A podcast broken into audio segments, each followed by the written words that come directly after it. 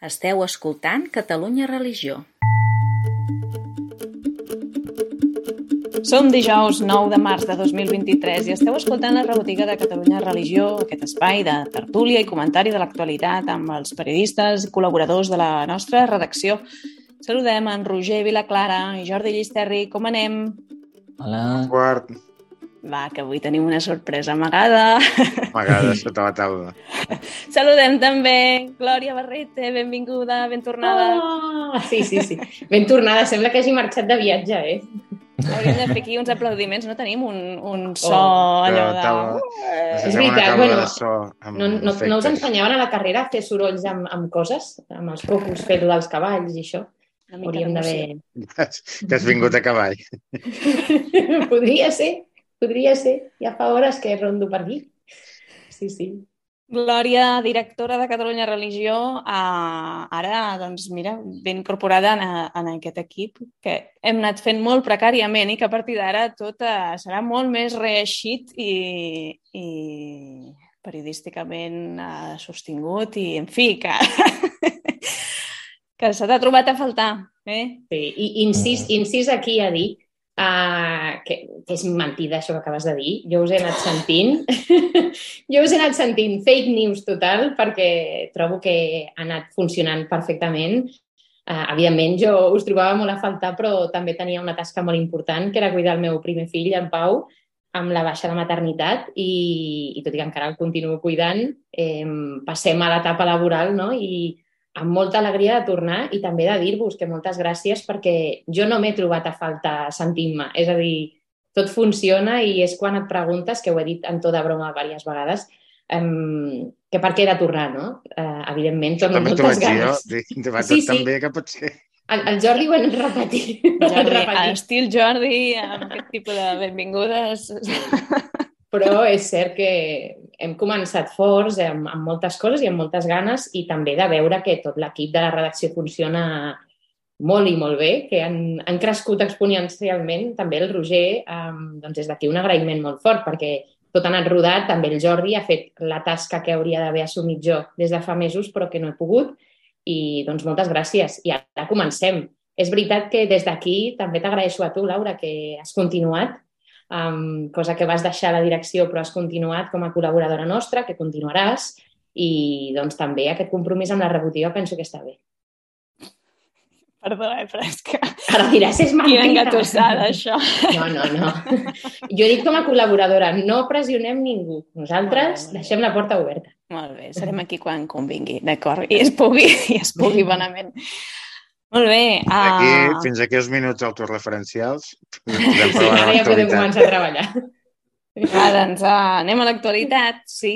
Um, setmana, setmana de la dona, diguéssim. Um, hem tingut, l'altre dia en parlàvem també, vam anunciar que diumenge Uh, tornàvem a tenir uh, la coordinadora de dones, el Sembla Veu, no? convocant davant de la catedral i, i bé, um, prou reeixida, diguéssim, torna a haver-hi gent al carrer, um, van veure moltes sabates, no? aquest simbolisme que s'ha triat per demanar que, que l'Església es posi les sabates de la dona, per tant, que empatitzi amb quines situacions es troba, quines són les seves dificultats, les nostres dificultats, um, i per tant èxit no? de mobilització altra vegada uh, que podeu recollir uh, no? i recuperar, que vam recollir diguéssim al portal i que podeu recuperar al nostre web amb aquest És de titular. les, de les poques notícies d'àmbit eclesial que cada any tenen ja la quota assegurada en els mitjans de comunicació. Sí, sí, sí, sí. És un discurs Molta, de... molta de... activitat eclesial que es fa cada any i que fins i tot pot tenir més, més, més volum o, o més repercussió que, que, que, que, la, que la convocatòria aquesta del, del 8 de març del col·lectiu El Sembla Veu, que també el té, però aquest ara ja, quan, com que, quan es parla del 8 de març, dintre de tots els col·lectius que surten en els mitjans expressant doncs, la, seva, els, la situació de la dona en aquell àmbit i la, seva, la seva problemàtica, les seves reivindicacions, el del Sembla Veu pràcticament sempre, sempre ja surt. Mm -hmm. Glòria? Just anava a dir una mica en la línia del Jordi, però en clau també dins, eclesialment parlant, eh? allò que hem dit alguna vegada dels actes que tenim a l'agenda ja els tenim com mentalitzats i quan he recordat la peça que s'ha fet la crònica d'aquest acte de la catedral, he vist que era el, el 2020 quan va néixer el col·lectiu, diríem pròpiament, no? que va sortir al carrer el 2020, i dic, home, no fa tant, fa tres anys, però n'han fet de moltes coses, no? Eh, I és, és aquest punt en què penses, crec que s'estan fent un lloc, el que deia el Jordi, ara, mm, home, els mitjans de comunicació també ho tenen, eh, dins la seva agenda, aquest moviment, reivindicació, etc, dins de tot el, el moviment que es fa, i trobo molt encertat que es faci uns dies abans del 8 de, de març. Crec que poques vegades ho hem dit, però és força encertat perquè així és una manera de no solapar actes no? i no tindria gaire sentit doncs, desvincular-se aquell dia i anar per lliure. O sigui, és, trobo que és una manera de dir eh, al final eh, la nostra especificitat és dins l'Església, però al final totes som dones, no? I és una manera també de, de fer-se més visible dies abans. Sí, I sí, és ben una cosa... Perdó. Sí, sí, digues. Una cosa que vull remarcar de, de la peça, que, que bueno, és una de les declaracions que s'han fet, el camí és llarg però ja s'han fet petits canvis, és això de vegades, amb les reivindicacions volem un canvi immediat, pensant que no s'ha fet prou, no? Um, I ara en parlarem també amb el tema del papa i la dona, doncs l'article que va sortir justament ahir, però, però quan mires en detall els canvis que s'han fet, i és, és, són les petites coses que es veuen, és això que deia el Jordi ara, doncs que ara es parli amb els mitjans de comunicació del col·lectiu feminista dins l'Església, sembla, anys enrere, semblaria un oxímoron, inclús. O sigui, mm, és d'aquells col·lectius que no t'esperes que hi hagin feministes. Doncs sí, evidentment hi són, en el moment en què hi ha dones no? en aquest col·lectiu. Mm. Jo de, de l'acte també em, destacaria una mica, em, em, una mica per, on, per on vam titular, que és el fet també de que, més de la reivindicació, em, a part de tot el que comporta, doncs que també hi ha propostes, no? I, i les dones també ho van... Eh, la, la coordinadora de dones també ho fa saber molt i aquí també n'hem parlat doncs, amb, amb aquesta proposta del sínode de dones que eh, van presentar les conclusions ara fa uns mesos. Vull dir que també hi ha un tema, de, a més de reivindicar, doncs, de, de demanar escolta, o sigui, a part dels canvis, doncs, de demanar que s'escoltin aquestes propostes i, i que no és només una reivindicació buida sense, mm, sense res més, sinó que hi ha moltes coses darrere que, que s'haurien d'escoltar i, que, i, i això. Sí, sí, hi ha contingut, hi ha no, un, una, un camí que es podria recórrer si a determinades instàncies, diguéssim, decidissin que s'hi posen, no? És a dir, no, no, és que no sabria per on començar. No, no, miri, aquí té com a mínim 5-10 uh, línies per començar, no? Uh, o 5 o 10 fils per començar a estirar. Uh, jo veia dues coses, una, això que deia la Glòria, que és ben bé ben buscat, diguéssim, pel moviment, de fer-ho en, en dates diferents, justament per això, perquè són persones que sempre s'han no, mobilitzat a motiu del 8M i després que viuen, viuen això ho han explicat, aquesta disso, dis, no es pot dir, dissociació, és a dir, que, que a vegades um, com a feministes no se les reconeix perquè són d'església, no? i dins de l'església no se les reconeix com a església perquè són feministes, no? I, doncs, a veure, uh, doncs, doncs sí, eh, això és compatible i, i té molt a veure allò que hem dit tantes vegades de la, de la fraternitat, no? en una comunitat de creients on tots fem camí com a iguals no? i on la clau és el servei i no és el poder, eh, doncs hi ha camí hi ha espai per tots i tothom pot brillar des d'allò que sap fer millor. No? Que, jo crec que a vegades el problema que tenim és que no, no acabem de captar quins són els talents de la gent, no? I, i llavors responem a uns cànons no? i de, de rols que es predeterminen i a partir d'aquí eh, grinyolen moltes coses, no? Però sí, sí, bueno. està bé, i recullo això que diu el Roger, que és absolutament tot propositiu i amb un to alegre i bé, en fi, com ha de ser, no? Punt, punt a part, el teu tuit d'ahir, Laura, jo crec que anava en aquesta línia, absolutament. No sé si Tia, vens a que ho diguem. M'ho vaig perdre. Sisplau, mm. en necessito, perquè en aquell moment vaig dir, té tota la raó i quina valentia de dir-ho, no? Uh, bueno, crec que venia a dir um, bisbes en aquest cas, eh? però hi ha molta gent que el dia de la dona doncs, ens omplim la boca de consignes a, a favor de la dona i després, quan la dona pren aquest protagonisme o quan reivindica, ui, potser t'estàs passant massa, no? Jo crec que anava en aquesta línia i era totalment encertat, perquè dic, és veritat, de vegades diem, sí, sí, heu de fer, heu de fer, i quan fem és quan et frenen, no? Potser el col·lectiu també s'ha trobat en aquest, en aquest eh, punt de mira per ser del col·lectiu. No sé si, si tu tens alguna, alguna informació al respecte, és a dir, les persones que visi, visiblement formen part del col·lectiu s'han vist així, bueno, amb aquest to de sorna que de vegades des de la jerarquia es parla? A veure, una mica el, el, el que deia és que en el dia del 8 de març hi ha molta gent no? que es posiciona i que fa grans elogis a les dones. En fi, en, en trobaria molts, molts exemples, no? I mm. també passa dins del col·lectiu d'Església, no? concretament homes que estan a la institució i, i que en aquest dia fan aquestes proclames, que després la resta de l'any, quan hi ha aquesta participació de les dones, participació real, arriba un punt que diuen sí, sí, sí, però alerta, que aquí mano jo. És a dir, que sempre hi ha aquest um, no entendre que una cosa és la, el, el servei i l'altra és el poder, no? I, i, o malentendre que formar part o abocar-se i viure en un sentit, eh, en aquest cas cristià, d'evangeli, no? Um, implica una noció de fraternitat bàsica en el que tots som iguals i en el que tothom pot participar i sentir-se no, reconegut allà on, on convingui. Res, res, una puntualització, eh? Vull dir que entenc... És que, Laura, això és una mica com el que hi vam veure tots, de, de que cada any va més, d'estar tot el dia 8 de març taladrats amb missatges sí, sí. d'empreses, institucions de Cuba Lila, que no saps realment durant l'any què fan realment Exacte. per la igualtat. En aquell sentit, no? Sí, sí, sí potser sí, s'ha d'anar explicant més a poc a poc. Un màrqueting 8 de març, per dir-ho així. Mm. Sí. sí, sí, segur, segur, segur.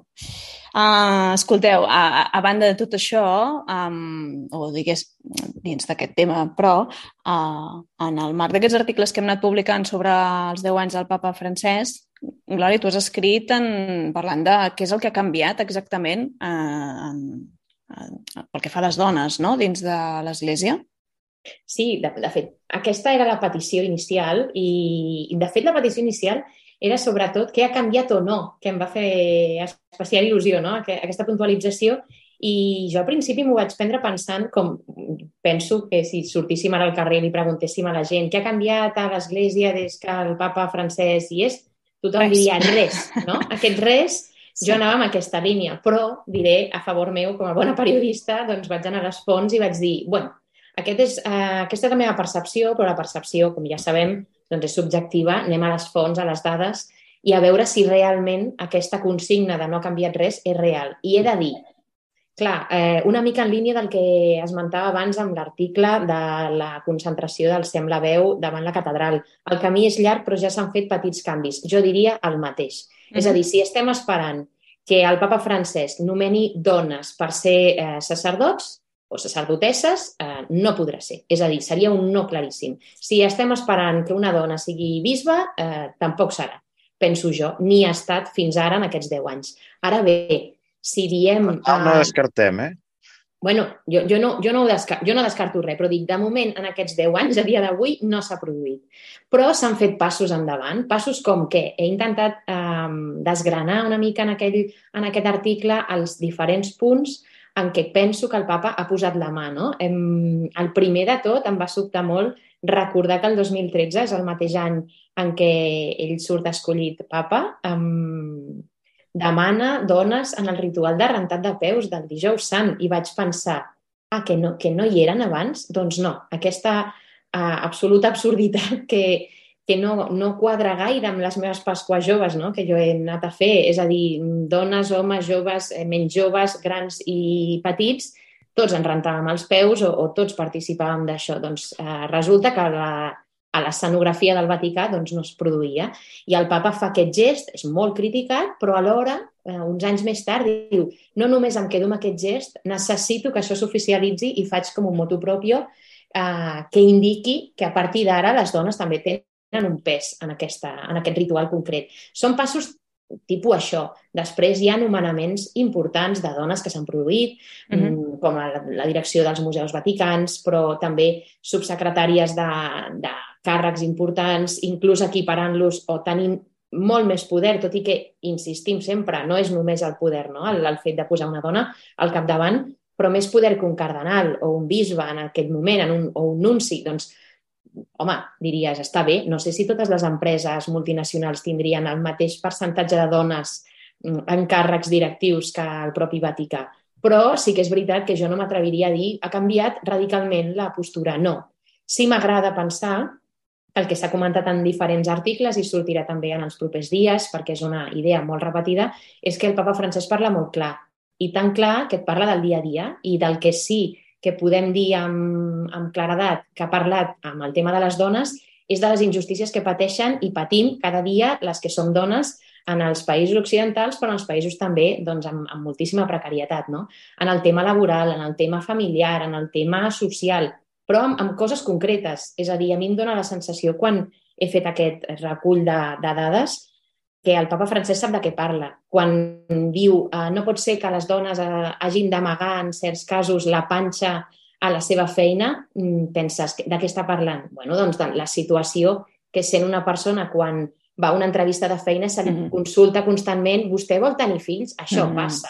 Passa, sí, es passa, denuncia, passa mm -hmm. passarà, no? Eh, I penso que el toc d'alerta tan clar que diu et fa dir, aquest senyor sap de què parla. No sé si li escriuen aquest discurs o ha dit ell. Jo crec que eh, forma part de la seva condició, de saber una mica el món per on va, no?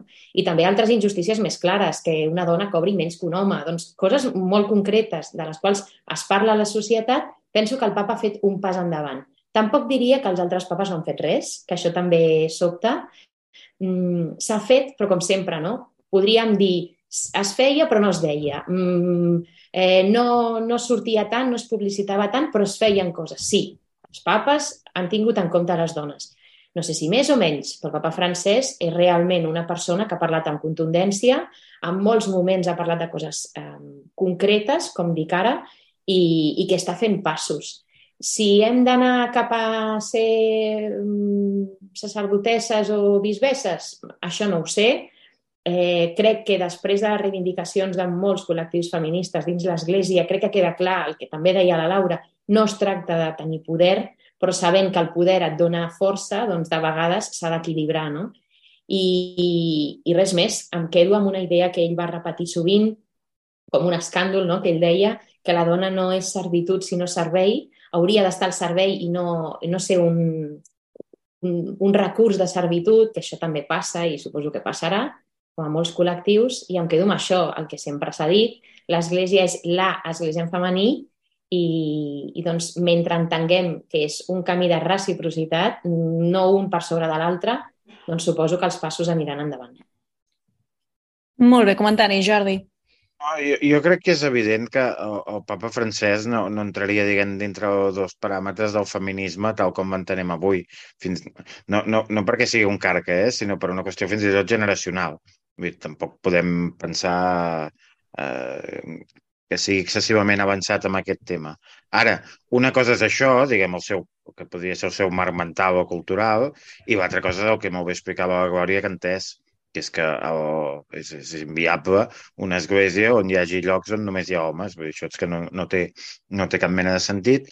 I els passos que ha fet, en, i que la, la Glòria la trata i detalla molt bé, d'incorporació de, de la dona en llocs de responsabilitats ha sigut més ben i feixuc i més petit del que esperaríem. Però també és veritat que un cop obres baixeta, llavors també és molt difícil d'aturar-la. I això ho hem vist, en aquest cas anem a l'església anem més tard, però ho hem vist amb, també en l'àmbit social i en, i en general. Però a mi de tot aquest tema, el que, el que també em sembla important és posar un marc que de vegades oblidem, que és el de la universalitat de l'església. És a dir, coses que aquí a Europa, en general al món occidental, ens semblen una obvietat, altres continents i altres llocs on la religió, on la religió catòlica té un pes important, hi ha coses que són un, una revolució, pràcticament. I poso un altre exemple que és molt més clar que el de la dona. El, el papa ara fa poc va tornar a dir, que no és la primera vegada que ho diu, que l'homosexualitat no és un delicte. Clar, que l'homosexualitat no és un delicte, amb tota la gent que tenim a, a, a 5.000 quilòmetres de Barcelona direm que, és que mm, vaja, vaja, ni els de Vox t'ho dirien que l'homosexualitat és un delicte. És que no, vull dir, és una cosa que, que és una obvietat i una evidència i que tampoc és una malaltia. Eh? Vull dir, per, per nosaltres això és que no és que, sí, és que qui ho diu queda absolutament des, desqualificat intel·lectualment en el, i personalment en el minut zero. Però hi ha llocs on això encara no és així. I, de fet, un dels missatges del papa en aquest tema, i perdoneu que he canviat de tema, però ho faig com a paral·lelisme, és que, escolti, si la seva família té una persona que és homosexual, l'últim que ha de fer és, és eh, repudiar-la. Hosti, qui, qui, qui hi ha aquí que encara faci això? Però és que hi ha molts llocs del món on això passa. I, que, i, el, i, i fent el paral·lelisme al món de la dona, doncs passa exactament el mateix. Coses que nosaltres veiem totalment normal, o que en aquesta redacció mm, també veiem normal, doncs hi ha molts llocs del món on seria extraordinari. Mm, sí, I, sí, i en però... aquest sentit el papa Francesc jo crec que mm. aporta un aporten llocs on aquest tema encara està molt, molt, molt, més, molt més endarrerit i molt més verd, aporta un, un, una paraula d'autoritat que, que, que ajuda a que en aquest àmbit hi hagin avenços en, en altres llocs. No estic dient que hem arribat on hem d'arribar ni que s'estigui fent el que s'ha de fer, però també ho poso en un context de, de la universalitat de l'Església. Sí, i aquest punt de la universalitat, i, i s'entén eh, el que expliques, Jordi, uh, però, uh, però no, penso que també, uh, ostres, quan parlem de, de, de incardinació o d'arrelar en una societat, si aquesta societat uh, estableix uns... No? És a dir, hi ha uns consensos o podem arribar a entendre-ho ja amb una perspectiva mm, que no, no sé si eh, parlar de progrés o no, de, que hi ha coses que ja no les, no, no les tolerem i que no les veiem d'aquesta manera. És a dir, no sé, trobar un perfil propi també, hem, ho hem reivindicat a nivell lingüístic moltes vegades, o de, no, de tradició, de poble, de, de cultura, doncs eh, aquesta cultura, aquesta societat també té uns, no, estableix unes, unes formes o, o marcar una obertura en els rols i les relacions que hauria de permetre una església pròpia catalana, per exemple, no? i que també tingui un perfil propi en, en l'àmbit de la dona, per què no? Uh, I que això no vol dir que facis un strip i trenquis no sé què, no? però que allà on hi hagi marge per, que es pugui fer i que no es deixi de fer, no? Bueno, no sé, mm, que, mm, que sí, el camí és llarg. Sí, sí, hi ha una feinada de por. Sí. Uh... Ah, però perdó, eh? però, però jo ho dic perquè pel, el que per nosaltres és un petit gest que gairebé és una obvietat i a més va tard, per altres eh, entorns és, és, un, és un signe molt potent. Mm -hmm. Estem parlant de, de, si ens anem a la diplomàcia internacional, encara veiem responsables diplomàtics que no donen la mà a una dona. Sí, sí, sí, exacte. I això, i això està passant avui. Sí, sí. Mm -hmm. Molt bé, uh, queda dit i clar. Um, si us sembla, anem a repassar més temes o veiem els articles més llegits de la setmana, Roger? Um, sí, aquesta setmana l'article més llegit que tenim al portal és aquest, aquesta crònica de, de l'acte de diumenge que parlàvem a l'inici sobre aquesta mobilització de la coordinadora de dones al Sant la Veu, que també, a més a més, es va fer a 21, a 21 ciutats més de l'Estat. En segon lloc, hi tenim la presentació de Francesc Torralba d'un estudi que ha fet sobre la façana de la Glòria, de la Sagrada Família. En tercer lloc, hi tenim la notícia de la mort del monjo de Montserrat, Martí Roig.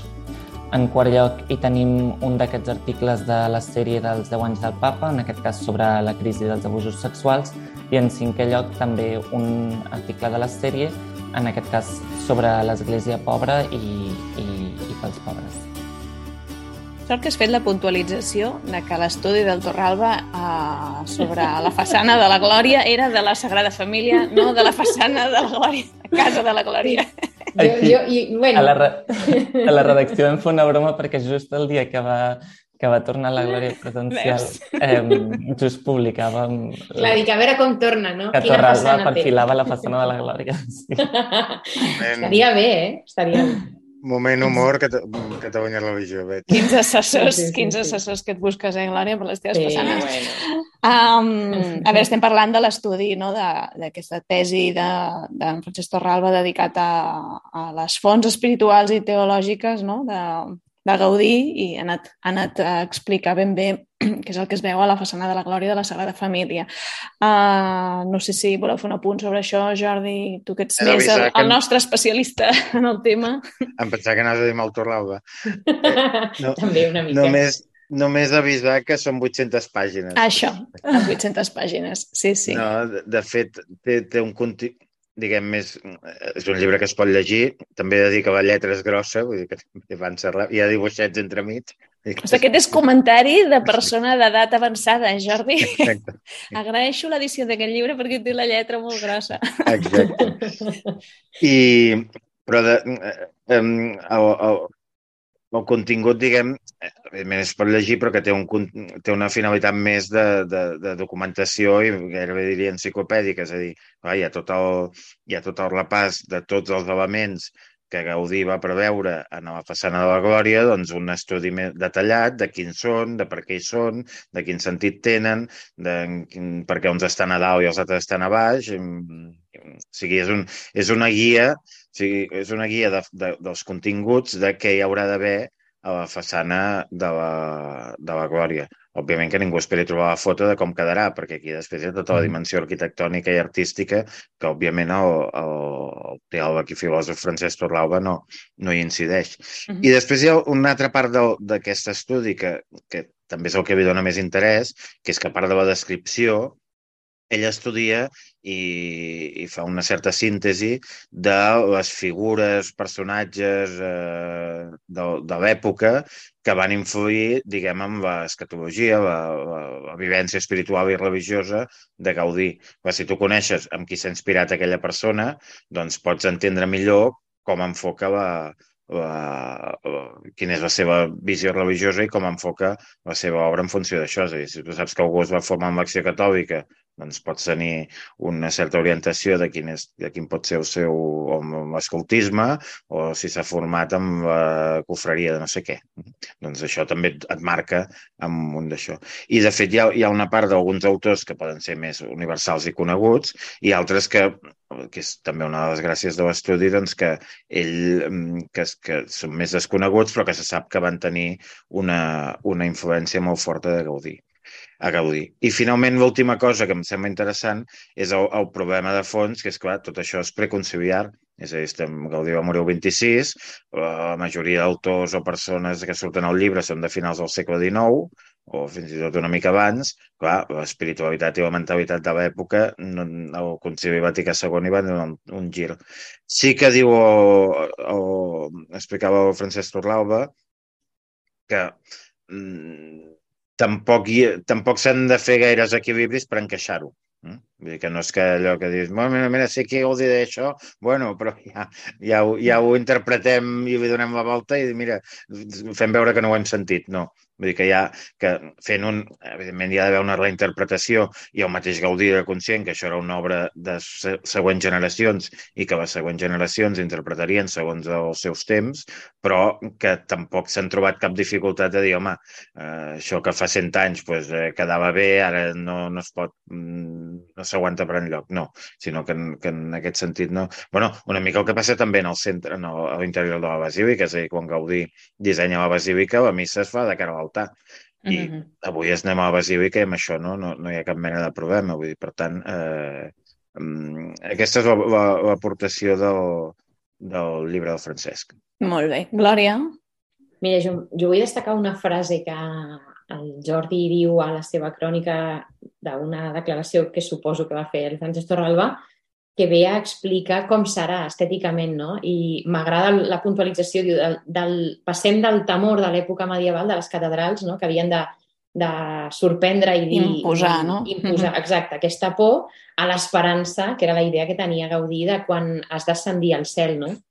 Em sembla, sempre ho he pensat, em sembla molt i molt difícil um, com reestructuraran això, com ho faran, però alhora mm, tinc moltíssimes ganes de veure-ho, no? Al final és com serà això. ni idea. És una cosa que encara no imagines. I una de les coses també que puntualitzes és que ell repeteix, estan parlant d'una façana que, que no hi és. És a dir, és complicadíssima aquesta feina que tenen per davant i, bueno, doncs la, la mirarem amb expectació, la façana de la Aquí Glòria. estem, a l'expectativa, sí. um, dos apunts finals, abans d'acabar. Uh, tenim també, uh, ara hem estat parlant del Vaticà, el papa ha fet un nomenament, concretament Omella uh, forma part uh, del Consell de Cardenals. Això ve a ser uh, a veure, per fer una traducció que entenguem, no? és com la, el cercle més proper a nivell de govern, seria aquesta l'explicació. A Omella sabíem no? que ja formava part una mica de, no? de les persones també a vegades per, no? per un tema lingüístic fins i tot no? de, de, de, i d'afinitat pastoral doncs del, del cercle d'influència del papa, ara aquí queda com, com més registrat o per escrit o més formal, no, Jordi? Eh, els que no coneguen aquest, aquest Consell, això és una cosa que es va inventar el papa francès just a l'inici del pontificat, que per fer paral·lelismes amb el món polític hi ha al Vaticà ha els dicasteris o congregacions que es deien abans o que serien els ministeris i el papa té els seus ministres temàtics i això continua existint igual i és l'estructura de govern del Vaticà, però entremig, diguem, hi va posar un Consell Assessor que en principi la funció que se li va encomanar de 8-9 persones ha anat variant, que escollia el mateix papa amb una distribució molt territorial, és a dir, pràcticament un de cada continent, doncs que és un, era un Consell Assessor pensat per mm, estudiar i, i, i, i aplicar la reforma de la cúria. Però això ha anat més enllà, és a dir, no és, només es trobaven i parlaven de què farem, sinó també parlaven de què s'està fent i com funcionen les coses. O sigui, bàsicament un, un, un consell assessor amb plenament. I ara que, de fet, la reforma de la cúria ja s'ha aprovat el document i ja s'ha posat en marxa, dius, bueno, doncs aquest Consell, en principi, si l'objectiu era aquest, podia desaparèixer i no, ara s'ha renovat i per cinc anys doncs, eh, ha nomenat nous membres i, evidentment, la sorpresa ha estat que un dels, dels membres d'aquest Consell fos el cardenal arcabisbe de Barcelona o el cardenal Omella. Mm, aquí el tema que, clar, anem, anem sumant dedicacions i uh -huh. ja era complicat combinar un arcabisbat com Barcelona amb la presidència de la Conferència Episcopal Espanyola, que més quan ets l'arcabisbe de Madrid i ets president de la Conferència Episcopal has de creuar dos carrers i ho tens tot a prop, però clar, Barcelona-Madrid ja és més, més complicat a nivell de desplaçaments. Omella ja tenia algunes responsabilitats, una important a la congregació de bisbes, en el dicasteri pels bisbes al Vaticà, i ara s'hi suma doncs, aquest, eh, aquest, aquest assessorament més directe del papa, que com ves apuntat Laura, com sap com ella, és una de les persones que, que, que el papa utilitza quan amb la seva, diguem, doble, eh, doble estructura d'informació, coneix els canals oficials i l'altre és la gent amb qui parla i amb qui comenta coses, i amb ella doncs, també estava en aquesta agenda, però ara això està més formalitzat doncs, en, aquest, en aquest Consell de Cardenals. En definitiva, que se li gira feina o Cardenal Amella, que esperem veure-ho per Barcelona no s'oblidi de la seva diòcesi. Que se'n recordi de nosaltres i, i també un, hi acaba una, una certa perspectiva de també allargar el mandat. El cardenal Amellera aquest any farà, si no m'equivoco, l'abril, ja farà dos anys que ha entrat, que ja ha complert l'edat preceptiva de presentar la renúncia i, per tant, podria fer dos anys que està jubilat. La idea és que quan l'any que ve acabés la presidència de la conferència episcopal, doncs al cap de poc temps doncs, hi hagués un relleu a Barcelona. Ara, amb 76, 77 anys que farà, aquest càrrec és per 5 anys, mmm, cal veure també quan dura el pontificat, però vaja, seria molt, molt sorprenent que, que es fes un relleu a Barcelona mentre el cardenal Amella formés part d'aquest Consell. Per tant, una mica també, va, i això és purament especulatiu i no, que ningú em faci cas del que dic, però, però que la idea és que s'allarga la presència d'Omella com a arcabisbe de Barcelona. Molt bé, Jordi, ens espera aquí la radiografia. Has tret la bola i a veure, a veure per on t'anirà tot plegat. Si us sembla, últim, últim apunt, ara sí. No guardeu um... gaire perquè llavors després t'ho treuen. Però vas dir que... Ho va dir. Ho va dir, ho va dir. I ha quedat aquí registrat a la rebotiga. Uh, no, un apunt final. Uh, Glòria, no sé si vols potser comentar tu uh, uh, que com a coorganitzadors Catalunya Religió de, de la tribuna Joan Carrera tenim una nova cita, no? Uh -huh.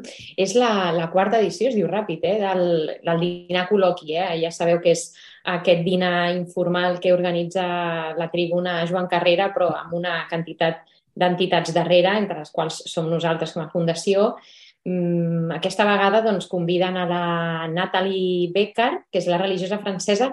Diríem, amb aquest nom no, no fem gaire, no? però l'important és que és subsecretària general del sínode perquè, bueno, que, que ve a dir, és l'única dona que tindrà veu i vot, eh, sobretot vot, dins del sínode del 2023. El papa francès la va anomenar al febrer del 2021 i, i també és membre del Dicasteri de Comunicació, és a dir, és una dona prou interessant, com també amb, amb prou influència dins del Vaticà perquè la puguem anar a sentir. La gent que estigui interessada encara hi ha places disponibles i s'han d'inscriure prèviament. És un dinar al restaurant Pomarada, que és el dimecres 22 de març a les dues, i són unes dues hores de dinar col·loqui i que s'hi apuntin. A través de la nostra web també trobaran la informació i la manera de com inscriure's. Molt bé. Ah, Jordi, sí, a veure, va. No, només eh, reiterar el missatge de la Glòria de, de que serà molt interessant aquesta sessió de la tribuna. De fet, he de dir, ara deu ser la quarta o cinquena, que totes ho han sigut. No, no, no, no enganyem a ningú. No crec que ningú hagi sortit decepcionat de dir, mira, vaig anar allà i no van dir res que m'interessés. Mm. Per tant, una recomanació. I també, i perdoneu, però hi vull insistir en, en recomanar, quan hem parlat els més llegits, han sortit dos articles d'aquesta sèrie del papa francès, mm -hmm. tant el del tema dels abusos com el tema de, de, de l'església pobra, pels pobres, que us recomano molt que us els llegiu.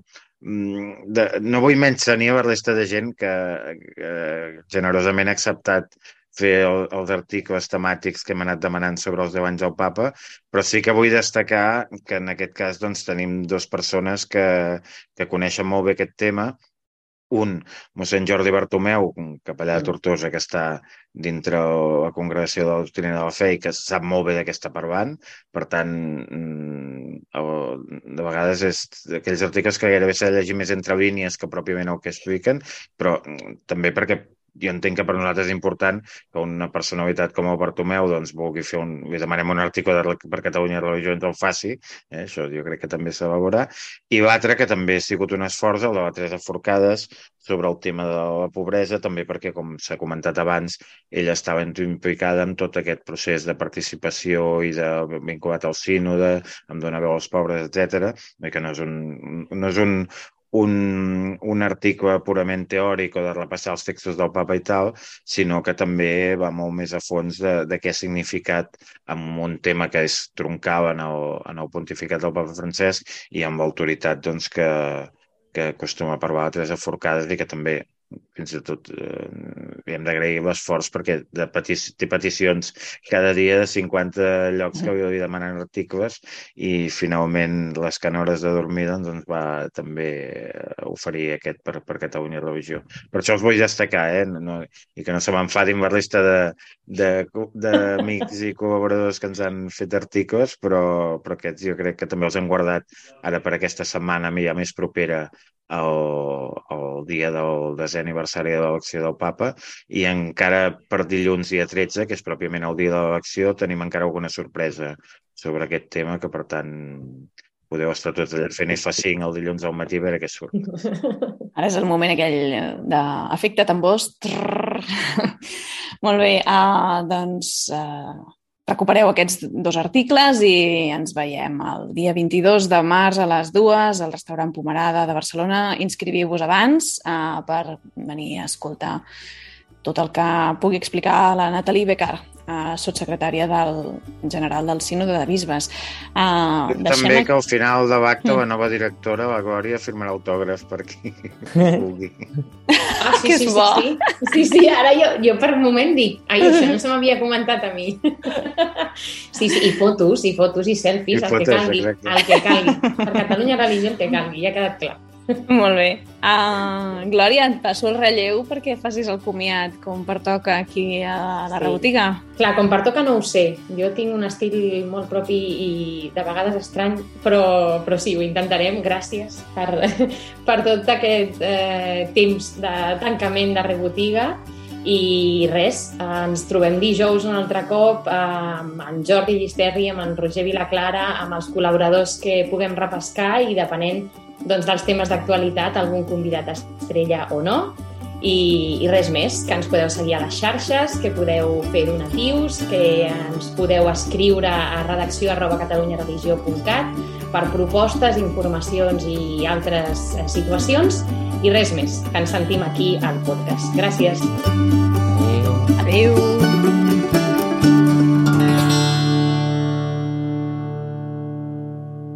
Catalunya Religió.